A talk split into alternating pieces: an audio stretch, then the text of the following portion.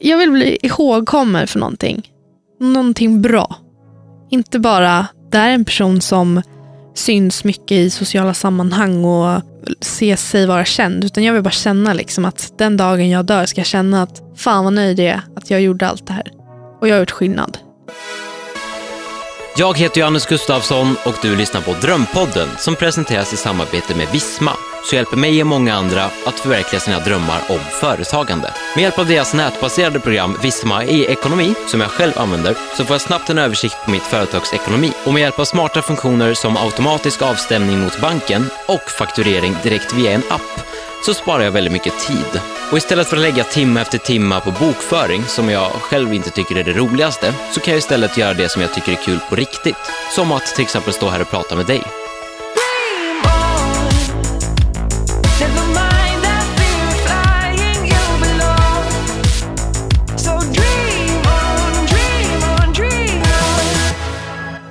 Hallå allihopa och välkomna till en ny video! Alltså vad säger ni? Nytt När Sara Linderholm var bara 15 år gammal så spelade hon en av karaktärerna i långfilmen Tusen gånger starkare. Idag är hon 22 år och allra mest känd som personen bakom Youtube-kanalen Sara Songbird, som hon också kallar sig på sina andra sociala medier. Där har hon hundratusentals följare som hon inspirerar med hjälp av snack om bland annat feminism och att krossa kroppsidealen. Idag ska vi prata om allt det här och drömmar såklart, men jag tänkte att vi börjar från början. Var växte du upp? Lidingö. Lidingö? Fint ska det vara. Ja, fint ska det vara. Jag bodde i det lite mindre fina området på Lidingö så att jag har inte bott i någon lyxvilla med rika föräldrar utan jag har bott i typ förorten av Lidingö med mitt gäng och sen bodde jag med mamma och min stora syster. Hur var det då? Eh, min mamma och stora syster bråkade en hel del. Så det blev väldigt mycket kvinnliga egon i vårt hem. Men min syrra flyttade hemifrån ganska tidigt så det har mest varit jag och mamma. Och det har inte varit några problem alls. At all. Jag och mamma kom jättebra överens. Varför bråkade de då? För att eh, min eh, stora syster har ett väldigt stort ego, för att säga det på ett snällt sätt. Och eh, speciellt när hon var ung så var, ville hon ha väldigt mycket saker på sitt sätt. Och det är svårt att få på sitt sätt när man kanske är typ 16 år gammal och kanske inte får vara ute sent på kvällen eller vad vet jag. Alltså jag minns verkligen inte vad de bråkade om, men det var, så, det var verkligen små saker. Man bara, som idag, som man hade ryckt åt axlarna. Liksom. Hur såg din familj ut i övrigt? Jag har en pappa i Värmland som har en eh, sambo och hon har barn som jag eh, ser som mina syskon idag också. Så jag har haft liksom mamma i Stockholm och pappa ute på landet. Så att jag har verkligen haft så här, the best of both worlds. På sportloven och helgerna åkte man åkte skidor och hittade på massa äventyr i Värmland och sen har man gått i skola och hängt hemma i Stockholm med sina kompisar. Så ett, ett stadsbarn med mycket lantliv. Du känns som en kreativ människa. Är någon av dina föräldrar kreativa på något sätt?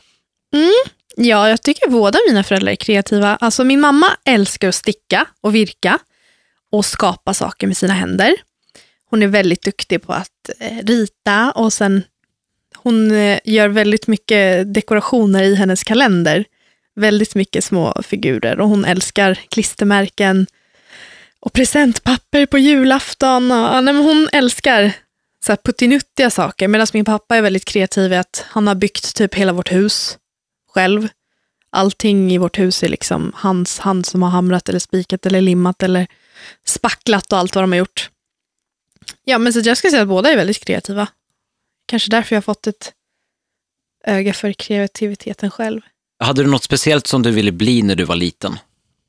Vampyr. Vampyr? Okej, Så när alla, alla mina tjejkompisar när jag var liten, de ville bli prinsessa och sjöjungfru och jag bara, alltså jag vill vara en badass vampyr.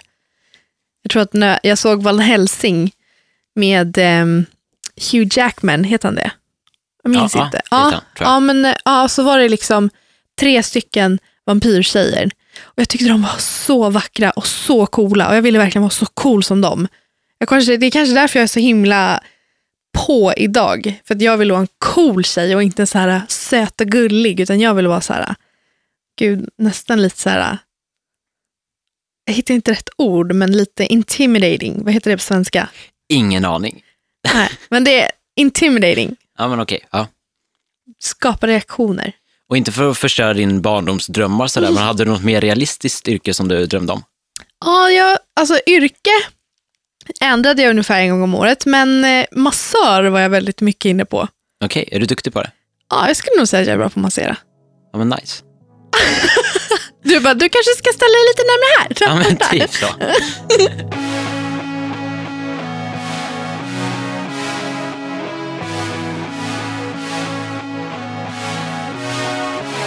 Och när du var 15 år så var du eh, en av karaktärerna i filmen Tusen gånger starkare. Nej, det var någon annan. Nej, jag. Jaha, okej. Har, bo- är har jag bokat fel Sara Linderholm? That's me. Men hur, hur, eh, när upptäckte du att du var intresserad av det? Det kom väldigt fort. För jag var med i en skolmusikal i åttan och sen igen i nian i skolan. Och så det var ju mest typ så bara över ett år som jag bara, fan det här är ju kul liksom att lära sig repliker och bara agera ut som någon annan. Och jag tyckte det var kul liksom i skolan. Och göra det typ framför klasserna i skolan eller våra föräldrar. Liksom. Jag tänkte inte mer på det än så. Men sen hade jag alltid velat se hur det gick till på en filmproduktion, så jag ville ju bara testa på att vara statist i en film. Och så sökte jag till Tusen gånger starkare, men jag trodde jag sökte en statistroll, men det visade sig att jag sökte ju till en av de större rollerna. Och min första audition, alltså jag kände mig så dålig. Jag gick därifrån, kom ut genom porten, ringer mamma och bara hulkgråter. För att jag kände mig så dålig. Och det var ju första auditionen jag någonsin hade gjort. Och så fick jag komma på en andra, och på en tredje, och på en fjärde. Och sen ringde de och sa att jag hade fått en roll. Så spelade vi in sommaren 2009. Du sa vid något tillfälle att du hade scenskräck. Varför, varför klarade du av att stå på skolmusikaler och, eh, och eh, i filmer? Liksom? Men jag har scenskräck i sångsammanhang. Okej, Om någon säger åt mig, sjung. Det går inte. Alltså, om du, alltså, även om du och jag skulle vara ensamma, off mic, allting. Om du bara, sjung. Så tar ett tvärstopp. Så jag, skulle jag stå på en scen och någon bara, sjung nu. Då tänker jag i mitt huvud, de förväntar sig att jag ska sjunga bra, får prestationsångest, jag får bli så skakig på rösten, börjar börja svettas och bara, nej det går inte, det går inte. Men prata, alltså inga problem. Lär mig repliker, alltså det är ju bara att lära sig en replik, en text innan och utan till. Men däremot en sång, alltså du, you only got one shot för att imponera med din sångröst. Liksom. Jag vet inte, så att jag tycker det är jättestor skillnad på sång och replik. jag gissar att du sjunger i duschen istället. Ja, och gud, jag går och sjunger hela tiden in my head. Inte bland folk, men alltså typ så här, när jag sitter i bilen, när jag är hemma ensam, när jag håller på och städar, när jag står och lagar mat. Alltså jag går ju hela tiden och nynnar på någonting. Och det, det är typ ett tecken att jag är glad också. Så typ om jag går runt bland folk och sjunger, då betyder det att då är jag verkligen glad. Så det är så här ett bra tecken. Så ibland om jag har varit ledsen och så helt plötsligt sitter jag och sjunger, då brukar mamma komma och pussa på mig och bara, då vet hon att jag är glad igen. För då sitter jag och sjunger. Hur, eh, hur var det att vara skådis? Alltså det var så coolt. Det var ju liksom, jag ville veta hur det var att vara med i en filmproduktion. And boy did I get to see a film production. Alltså det var så häftigt. Alltså för, för första typ två veckorna så hade vi typ som en filmskola, för många av oss var väldigt oerfarna. Så då hade vi två veckor där vi fick skriva manus själva, vi fick producera en kortfilm själva och sen fick vi se den här kortfilmen sen. Och sen under tiden, det var ju ett jättebra sätt för oss alla att lära känna varandra, för vi skulle ju spela en nionde klass, där vi har känt varandra i minst nio år och är många bästa vänner. Och det är ju svårt att kasta sig in i en inspelning när man inte känner folk och ska låtsas att man är jättebra vänner. Så det var ett, ett jättebra sätt för oss att lära känna varandra. Men sen när vi kickade igång, alltså det var ju så himla häftigt, för att inte bara får man göra någonting som är så himla kul varje dag, men man blir väldigt uppassad också. Mm. Det gillade jag också. Hade ni folk som liksom sprang runt och höll koll på er? Ja. Ja. Vi hade en klassmamma, Mysigt. ja, så hon, hon såg till liksom att, ah, okej, typ, för vi hade så här som ett vilorum, för vi var ju på samma skola under hela inspelningen. Och hur lång var inspelningen? Nästan tre månader. Oj. Ja, så det var från mitten av juni till början av augusti. Typ. Så jag missade lite i början av gymnasiet. För det var ju övergången mellan nian och gymnasiet som jag spelade in där, så jag missade lite.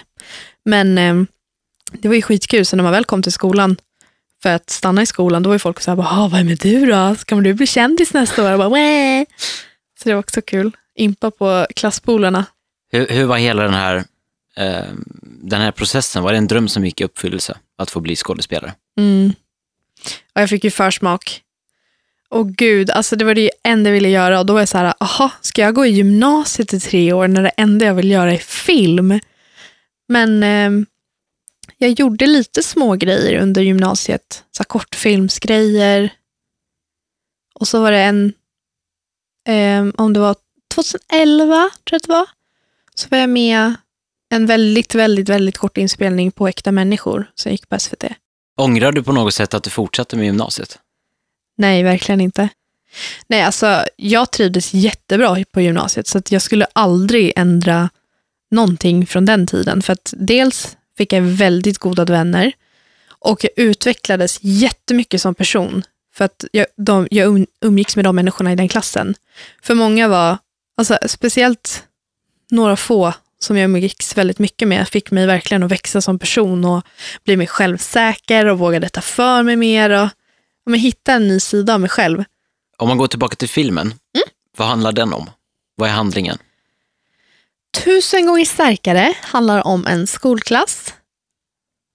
Och det börjar en ny tjej i klassen som aldrig har gått en svensk skola för.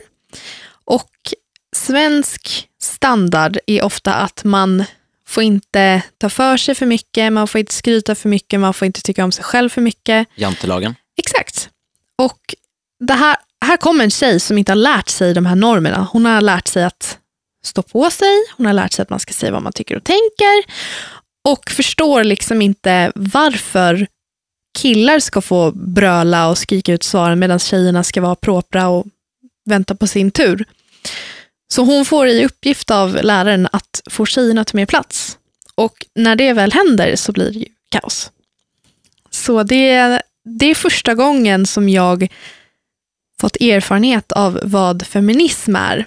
Det var första gången som jag hörde ordet feminist eller feminism och efter det så kände jag verkligen bara shit vilken girl power den här filmen är. Och det är väldigt många som hör av sig till mig nu som ser den efterhand och tycker att den är jättebra, som har ett bra budskap. Den är lite överdriven, men så måste ju film vara för att man ska förstå budskapet oftast. Så att jag, jag är jättestolt över att jag fick vara del över den filmen. Och just de här sakerna, allt från liksom normbrytande till att uh, vara feminist känns ju som väldigt du, liksom. det är vad du står för. Mm. Vi ska prata mer om det. Men om vi går från liksom, när du var 15 i Tusen gånger starkare, filmen, eh, till du var ungefär 17. Vad, vad hände då i ditt liv? Gud, jag måste minnas vad hände när jag var 17. Ehm, jag umgicks jättemycket med mina vänner i min gymnasieklass. Undrar om det var då jag skaffade min första pojkvän. Det kan det ha varit.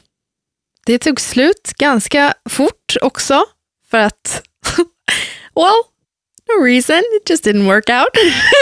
Eller? Eller? Får, vi, får vi veta något smaskigt här? Nu? he was a cheater first of all, so Ah, Oh, yeah. Ja. Eh, Och eh, jag är inte en sån person som tar skit, så att jag bara, ja men du kan ha det, hej då. tell him boy bye. Tell me bo- bye. Ja, i alla fall. Nej, men så att eh, jag fick lite erfarenhet av kärlek, hur långt men kort det kan vara och hur mycket man kan känna på så kort tid. Och jag, men jag stod på mig mer. Jag tror att jag lärde mig att acceptera mig själv för den jag var och inte ta skit från folk. Det var väl där jag började med lilla feminist-Sara. Ja. Eh, höll du på att jobba med någonting då, under gymnasiet? Nej, eller jag kanske, jo men jag kanske jobbade lite som barnvakt ibland. Men det var, jag hade ingen liksom, så fast anställning någonstans. Vad drömde du om då? då? Då ville jag fortsätta med film. För att det, många som var med i Tusen gånger starkare började gymnasiet samtidigt som jag. Och många pluggade teater och fortsatte med film. Och så satt jag där på min skola och bara, jag trivs jättebra här och jag trivs jättebra med det jag gör. Men det kändes ändå som att de hade det jag ville ha. Och det var, det var så nära men det var ändå så långt ifrån. Men jag tror ändå att allting tar sin tid. Allting har en mening på, någon, på något vänster. Att det var meningen att jag skulle gå i skolan, där det var meningen att jag skulle träffa de människorna och lära känna mig själv mer och bättre.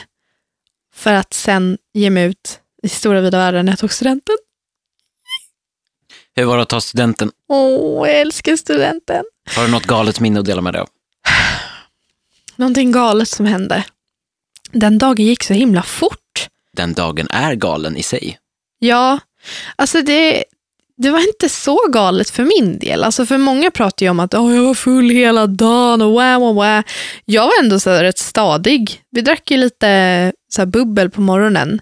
Och jag minns att jag packade med mig typ en kofta och en kavaj ifall det skulle frysa. Men vi hade en jättebra väder hela dagen. Så jag bara konkade på det där onödan. Det, är så här, det minns jag så himla väl. Jag skulle bära på den här jävla väskan. Ja, nej men så att vi var i skolan först och så tog vi så studentbilder och vi hade någon slags så här frukostbrunch i klassrummet med våra lärare, vi fick våra betyg och sen eh, gick vi ner till kajen, för jag gick i en skola i Liljeholmen och vi hade inget ställe att springa ut där.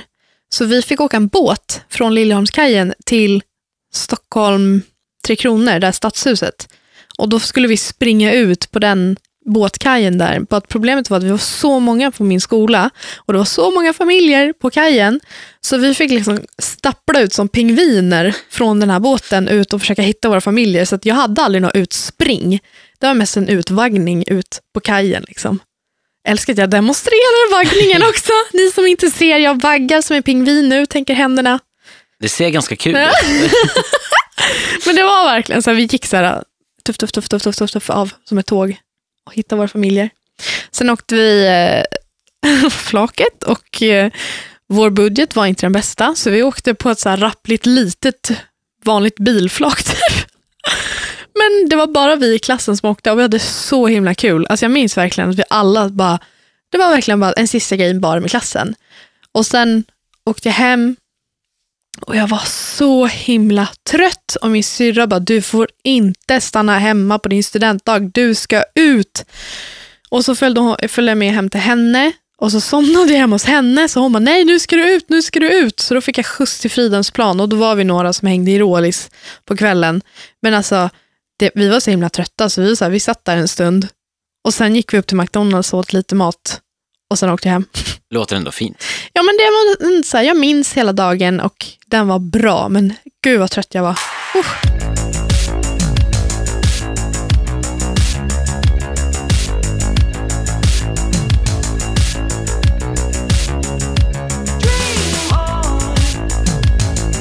Efter gymnasiet då? Vaknade du upp dagen efter och så tänkte du, ja nu är jag arbetslös. Ja, Ja, jag var verkligen arbetslös och jag var det fram till november. Då började jag på Espresso House. ah. Mm, var du så- barista? Ja, Hur var det? jo, det var kul. Men mellan studenten och Espresso House tog jag körkort. Grattis! Mm. Några år för sent, men Thank you. jag har fortfarande inte lyckats. Ja, men jag, gjorde, jag gjorde en egen intensivkurs typ. Jag åkte upp till pappa ett tag och sen körde vi som fan. Alltså hela, hela tiden, varje dag efter han hade slutat jobba så bara körde, körde, körde. Men det var också min första sommar som 18-åring. Så jag var ute och festade en hel del i Stockholm med mina vänner. För att jag är ju 94, men jag gick i samma klass som 93 år. Så att alla var ett år äldre än mig, så när de fyllde 18 så kunde inte jag följa med ut och festa. Så att när jag väl fyllde 18, då tog jag studenten, ut och festade en massa, tog körkort och sen mot hösten så var jag så fattig så jag bara, nu behöver jag jobb. Och då började jag jobba på Espresso House. Men det var jättekul för att man får ju, eh, man får ju utbilda sig till utbildad diplomerad barista. Så det har ju jag i nacken och det är riktigt bra för man behöver ingen erfarenhet för att börja jobba där och det tyckte jag var så smidigt för att vad har man för erfarenhet efter gymnasiet liksom, om man inte har jobbat med någonting extra. Och jag hade jobbat på ett café innan. Så att jag var ju ändå bekant med den världen. Men kaffe var nytt. Och sen jobbade jag där ett år. Och sen började jag på ett annat jobb som heter apotekstjänst. Och då jobbade jag med medicin. Och där var jag i två år. Och sen vart jag varslad. Och för de som inte vet vad varsel är, det är typ att företaget gick så halvt i konkurs och sist in som började måste först gå. Och jag var ganska sent in av de som hade jobbat där, för många hade jobbat där i typ tio år, så att kom jag där med mina två och bara okej, bye. Och när jag fick varsel från det stället så började jag heltid med YouTube. När började du göra YouTube från första början? Det började i samband med att jag jobbade på Espresso House. Och det var, ska vi 2013 som jag började som liksom youtuber. Jag har haft min kanal sedan 2008, men då har jag lagt upp så här behind the scenes som tusen tusen gånger starkare eller hur man äter en chokladtomte med mjölk. Alltså så här bara pff, skitklipp. Men som youtuber och bara nu är, nu är det här min titel, det här är vad jag ska göra. Jag ska göra roliga sketcher, jag ska göra challenges, jag, wow, wow, wow, jag hade så mycket planer. När Jocke väl, Heja Internet pushade igång mig, bara nu ska du börja med YouTube, och så gjorde jag det. Och det var 2013. Och så signade jag display 14 oktober 2013. Det gick snabbt då ändå. Ja, alltså hösten 2013 började jag och sen var det februari 2016 som jag började jobba heltid med YouTube. Okej, så inte riktigt två år. Inte riktigt. Nej. Lite mer. Ja, lite mer kanske. Nästan tre år blir det väl? Var du bra på matte i skolan? För det var Nej, inte jag jag. var, helt värdelös. Gud, Eh, huvudräkning är inte min grej. Du höll i alla fall på med YouTube medan du jobbade. Det kan vi komma fram till. Ja. Det gjorde Och jag. någon gång kom du fram till att du skulle jobba med det på heltid. Ja. Men, Men det var ju bara för att jag inte hade någonting annat. Och jag, bara, men jag, jag vet inte vad jag ska söka för annat jobb. Så jag bara, nej men nu satsar vi på kanalen, nu kör vi. Men hur vågar man det? För jag tänker, du har ingen fast inkomst som YouTuber. Det är, det är lite så här, Ja, det var vågat. Ja. Så jag flyttade hem. ja, funkar det när du bodde hemma då? Ja. Ja. Jag har ju överlevt hittills. Jag har inte gjort Skönt. någonting annat. Nej. Ja, nej, men det är det enda jag har gjort sen februari nu. Det är snart gått ett år. Om en månad har jag haft YouTube som heltidsjobb i ett år. Hur många prenumeranter har du? Eh, jag måste kolla. Eh, jag tror att jag har 104 000 prenumeranter. Ja. Då har du kollat? Jag har kollat det. Men det låter ju snyggare i en podcast om jag frågar. Liksom, så Ja, att, ja. Men jag Nej, det var faktiskt länge sedan jag kollade nu, men jag tror att det är 104. Det är vanligt att det i den här världen bara blir siffror av allting. Ja, Men det är sjukt mycket människor. ja det är det. Hur tänker Jag är du ännu fler det? på Instagram. Ah, 121. oh. Oh. Men hur tänker du på det? Men det är det som är grejen, man tänker ju inte att det är så många människor. Alltså skulle man fylla en arena med så många prenumeranter som jag har, alltså det är typ två Friends Arena och en halv Globen. Alltså det är så mycket människor. Det är galet. Det är helt sjukt. Jag tror att det är många som är spökföljare dock, men you know. Men din titel är alltså YouTuber, inget annat? Nej men jag vill ju, jag vill ju att man ska säga att jag är en skådis. Mm. Det är ju min dröm liksom. Inte en aktuell, men eh, jag har ju ändå liksom lite på CVt. jag bara så att, please call me an actress. please. I got it in me. Nej men så desperat är jag inte. Nej men eh, youtuber, vloggare, förhoppningsvis författare. Författare? Ja. Vad då? då? Ja. jag vill skriva en bok. Okej. Om vad då? Det tänker jag inte säga, då kanske någon snor min idé. Jag, jag kanske... Det hittar på i alla fall. En roman. Som heter... Nej, jag skojar. Jag bara, I am telling you, I told you. Okej, fast har du börjat skriva om det? Har du börjat skriva boken än? Ingen kommentar. Ingen kommentar.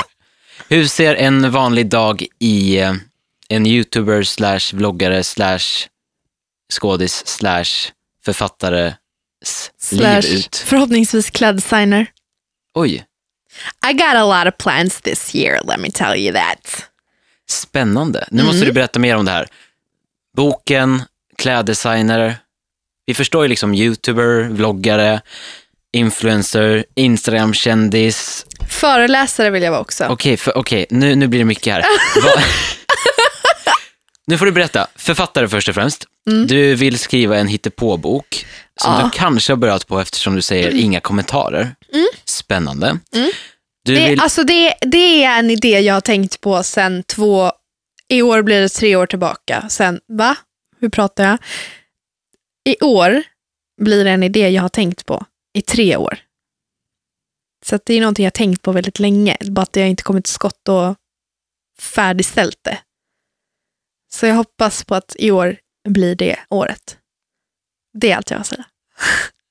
Och kläddesigner.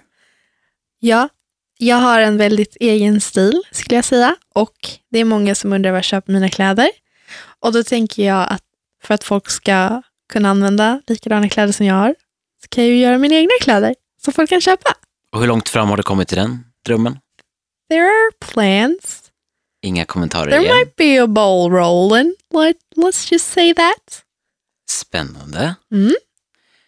Ehm, och föreläsare. Ja. Om vad då?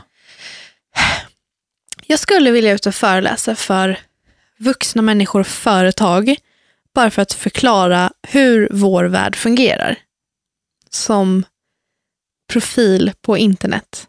Att det är mer en kattklipp på YouTube och det är mer än bara någon som din dotter eller son eller vad det nu är ser upp till. Att det är liksom en person som jobbar hårt, som lägger ner mycket tid och energi och som faktiskt kan och vill göra skillnad. Så jag tror att jag vill ut och föreläsa bara för att enlighten those who don't know who we are. Sprida revolutionen. Ja. Men hur, om du ska beskriva då, hur ser en vanlig dag ut i ditt liv som ändå jobbar med allt det här? ja, först och främst gör jag ju mitt egna schema oftast. Eller ja, jag gör mitt egna schema. Eh, Jag tar alltid sovmorgon. Jag älskar att sova. Jag känner igen mig i det där. Kan man, Man, så borde man. prokrastinerar mycket. Exakt. Nej, men, eh, det blir mycket komma på videoidéer, vad man vill göra för video. Jag filmar själv, jag redigerar själv, jag publicerar själv och jag promotar själv. Så oftast, eller ja, alltid, de visningar man har eller den fanbase man har eller den hängivenheten som man har från folk, det är ju det man har skapat helt själv. Och det är väldigt unikt, det vi speciellt på YouTube har skapat. Och jag känner liksom att det skulle inte skada om vuxna kom in i den världen och inte bara förstod oss, men också förstod sina barn som är så otroligt insatta i vår värld. För jag tror att det är väldigt många vuxna som inte förstår vad deras barn gör på internet idag. Och ett steg i rätt riktning kan ju vara att faktiskt kolla på vad de kollar på.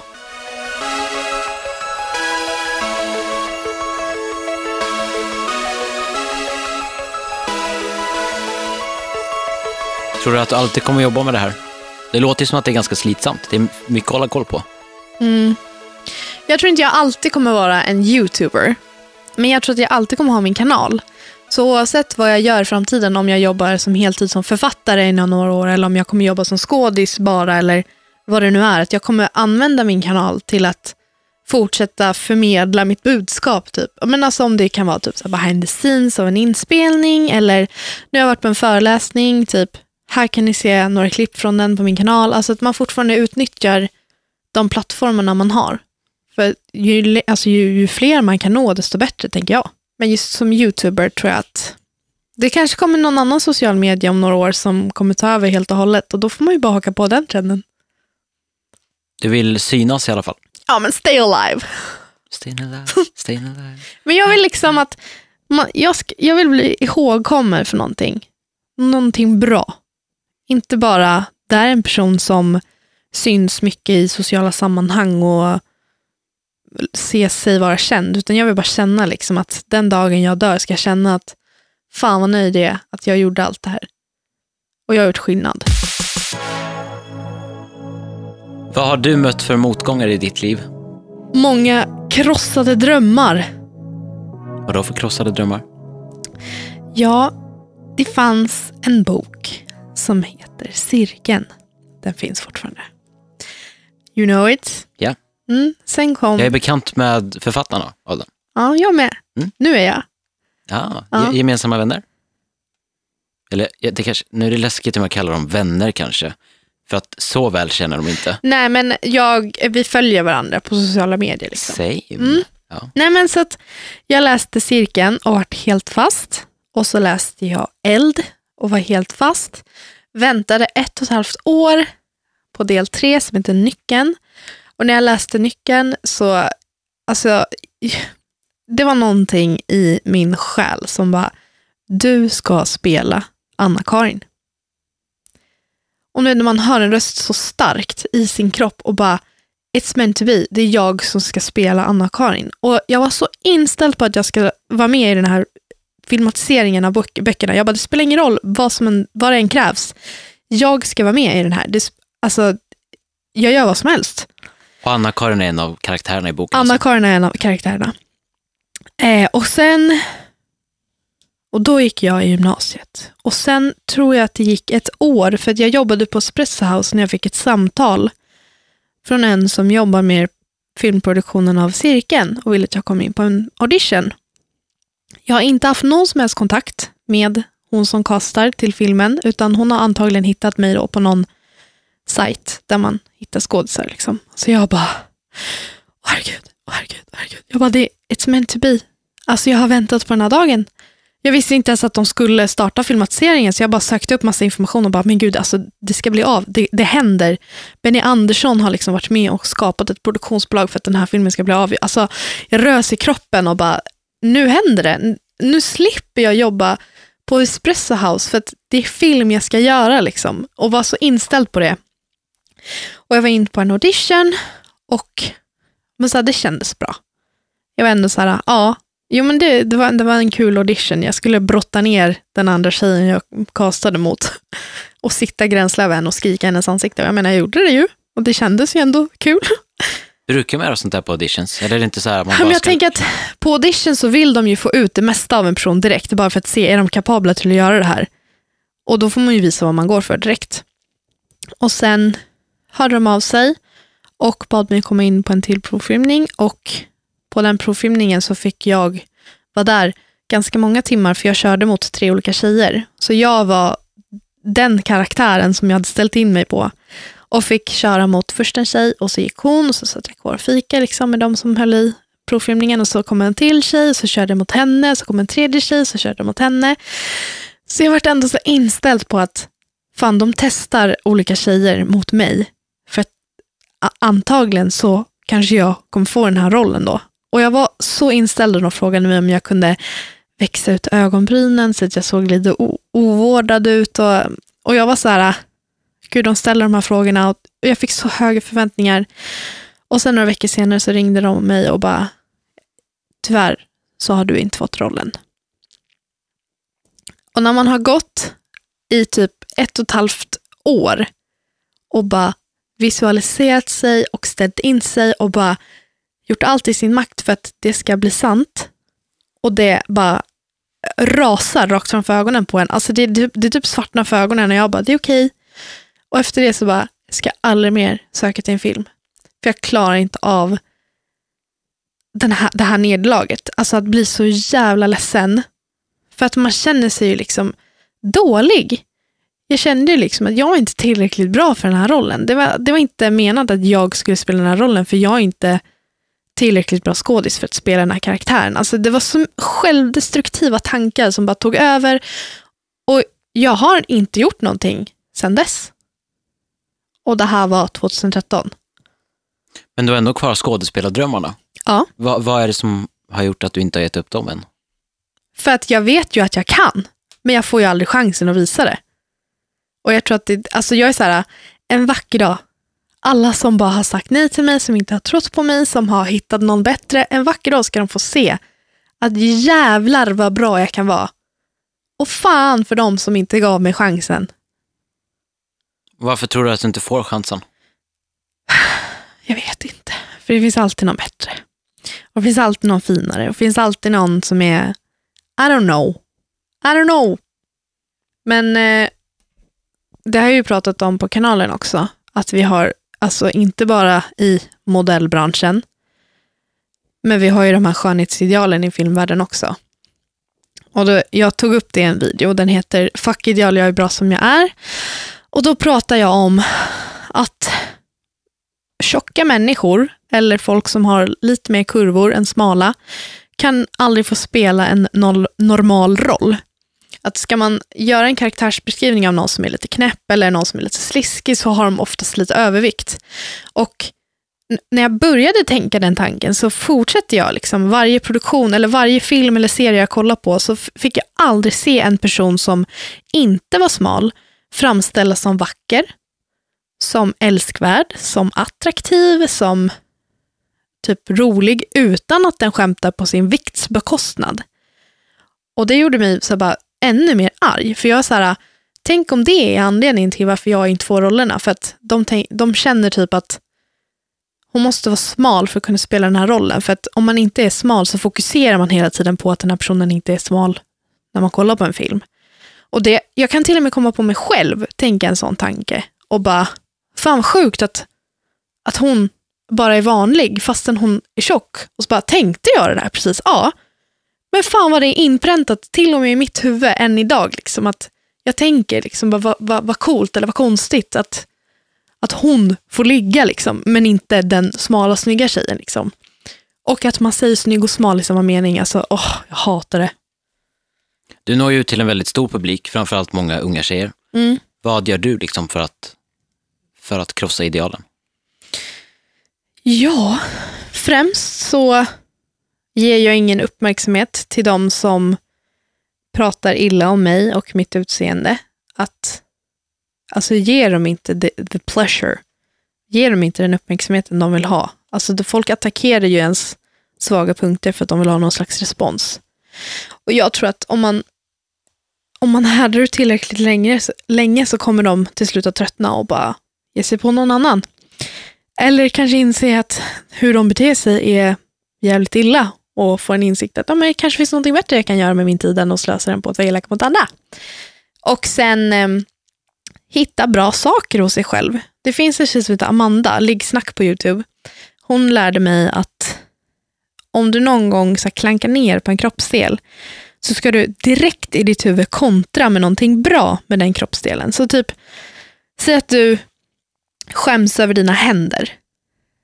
De är så här, men jag, så här, jag har korta knubbiga fingrar och, och jag alltid tar om händerna och, och jag vill inte att någon ska ta på mig för att jag känner att de är, så- de är så fula.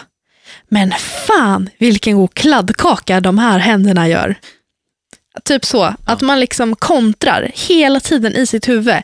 Så typ, så här, ofta som jag tänker typ så bara, åh nej, åh gud, gud vad min mage syns, eller vad syns, det syns att jag har ett väck där, eller oj, vad jag såg mycket större ut än alla andra. Så bara, ja men kontra det med att, fan vad mysigt det är att krama mig. Alla som kramar mig säger att jag har de bästa kramarna, för att jag är så mjuk och gosig och bra på att kramas. Eller typ när jag ska ligga och sova, det är så gosigt att bara hålla på sin mjuka mage. Och det är inte alla som har. De är, men det är, har de. Någonting annat bra. Precis. Mm. Och det här är ju ämnen som väcker mycket känslor Ja, gud. och mycket kritik kan jag tänka mig och eh, arga personer i kommentarsfält som tycker att du har fel och de har You rätt. think? Ja, men det, det känns ju ganska vanligt i dagens samhälle. Mm. Och ett annat sånt ämne är ju feminism. Mm. Hur är det att vara feminist i, eh, i Sverige 2017? Jag har inte så pratat mycket om den i år, men eh, 2016 så... Eh, alltså, jag vet inte när folk fick det att tro att feminism innebär manshat. Och är man feminist så är man rabiat, lesbisk, rakar inte armhålorna och eh, vill döda alla som bär en snopp, typ. Men i själva verket handlar det ju bara om att det finns studier som visar att de som definierar sig som män oftast har större risk för kriminalitet. Det är i 99% av fallen män som våldtar. Och ja, män våldtas också, men då är det oftast av män. Och problemet är att många som inte vill få information ska hela tiden förneka den, den informationen som ges. Så typ om någon säger och bara, ah, men så här, 99 av fallen, 99 gånger av fallen, så är det en man som våldtar en kvinna. Och det är alltid någon som ska komma och bara, ja, ah, men män blir också våldtagna. Bara, ja, absolut. Men det är fortfarande männen som våldtar dem. Och då ska de ändå komma och bara, ja, ah, men det finns kvinnor som våldtar också. Och då bortser man från det här problemet för att man blir kränkt för att de råkar tillhöra just det könet. Och bara, men that sucks for you, men jag sitter inte och säger att du är en våldtäktsman. Jag bara säger att det är större risk att du kommer våldta någon än vad det är att jag kommer våldta någon. För att det är så stat- statistiken ser ut. Och man kan inte tala ifrån, alltså man kan inte säga emot statistiken för det är så världen ser ut. Och vill man inte acceptera det, då har man ju ingen världsbild alls. Och då, vill, då lever man ju i förnekelse. Det är ett stort samhällsproblem. Ja, gud ja. Och jag tror att om folk bara blev mer insatta och bara såg att ah, men faktiskt så här är det hur det ser ut och vågade säga ifrån mer. Och inte bara när de skaffar barn själva som råkar bli tjejer och bara nu är jag feminist för att tänk om någonting händer med min dotter. Bara, men ja, men det kunde hänt någonting med din mamma, med din syster, med din tjej i, i skolan. Likaväl där. Så jag, jag tror att det handlar om att man ska våga vara lite mer öppensinnad. För jag absolut inte hatar jag män. Absolut inte. Alltså jag älskar min pappa, jag älskar mina bröder, jag älskar mina killkompisar. Men det är också, liksom, de tillhör den kategorin som är större chans att ja, men så här, eventuellt våldta någon. Men det, jag sitter inte och säger att de är våldtäktsmän för det. Men de är alla potentiella till att göra det. För att många inser ju inte heller vad en våldtäkt är.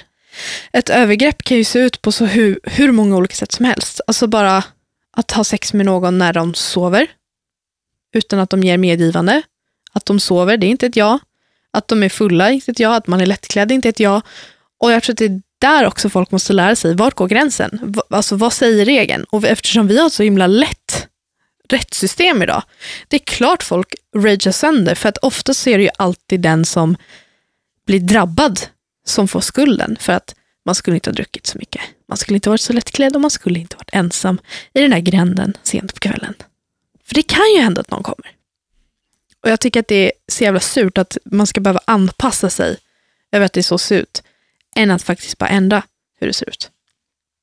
Vad vill du säga till alla som inte är feminister? Lyssna på Sara Larssons sommarprat från förra året.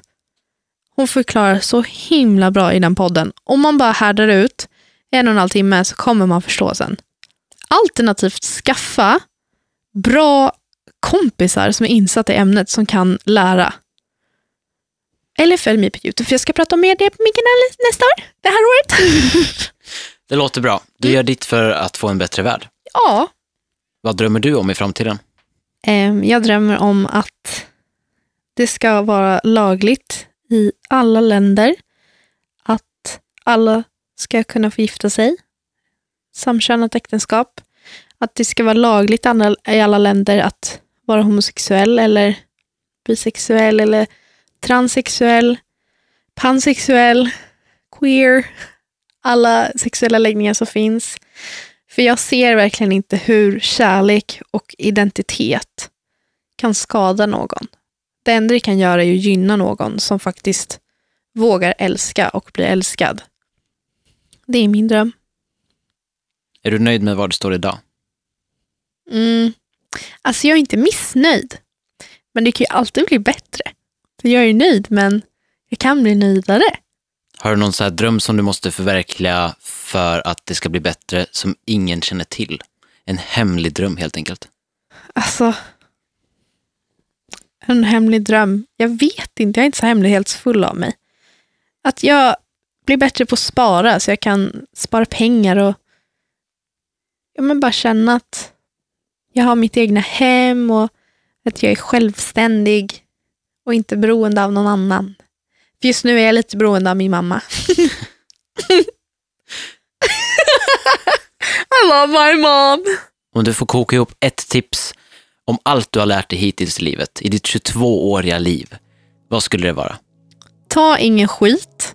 Var nöjd med den du är och behandla andra som du själv vill bli behandlad. Det är de tre. Sara, stort tack för att du ville gästa det sista avsnittet av Drömpoddens första säsong.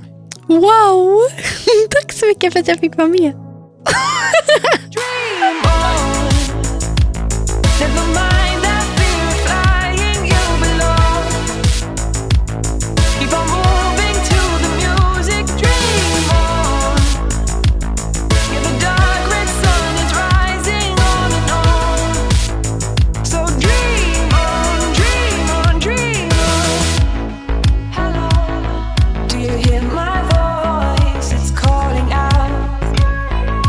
så jättemycket för att du har lyssnat. Glöm nu inte att gå in och prenumerera och skriv jättegärna en recension också. Det skulle göra mig jätteglad. Glöm inte heller att följa Visma och mig på sociala medier. Våra användarnamn hittar du i beskrivningen till det här avsnittet.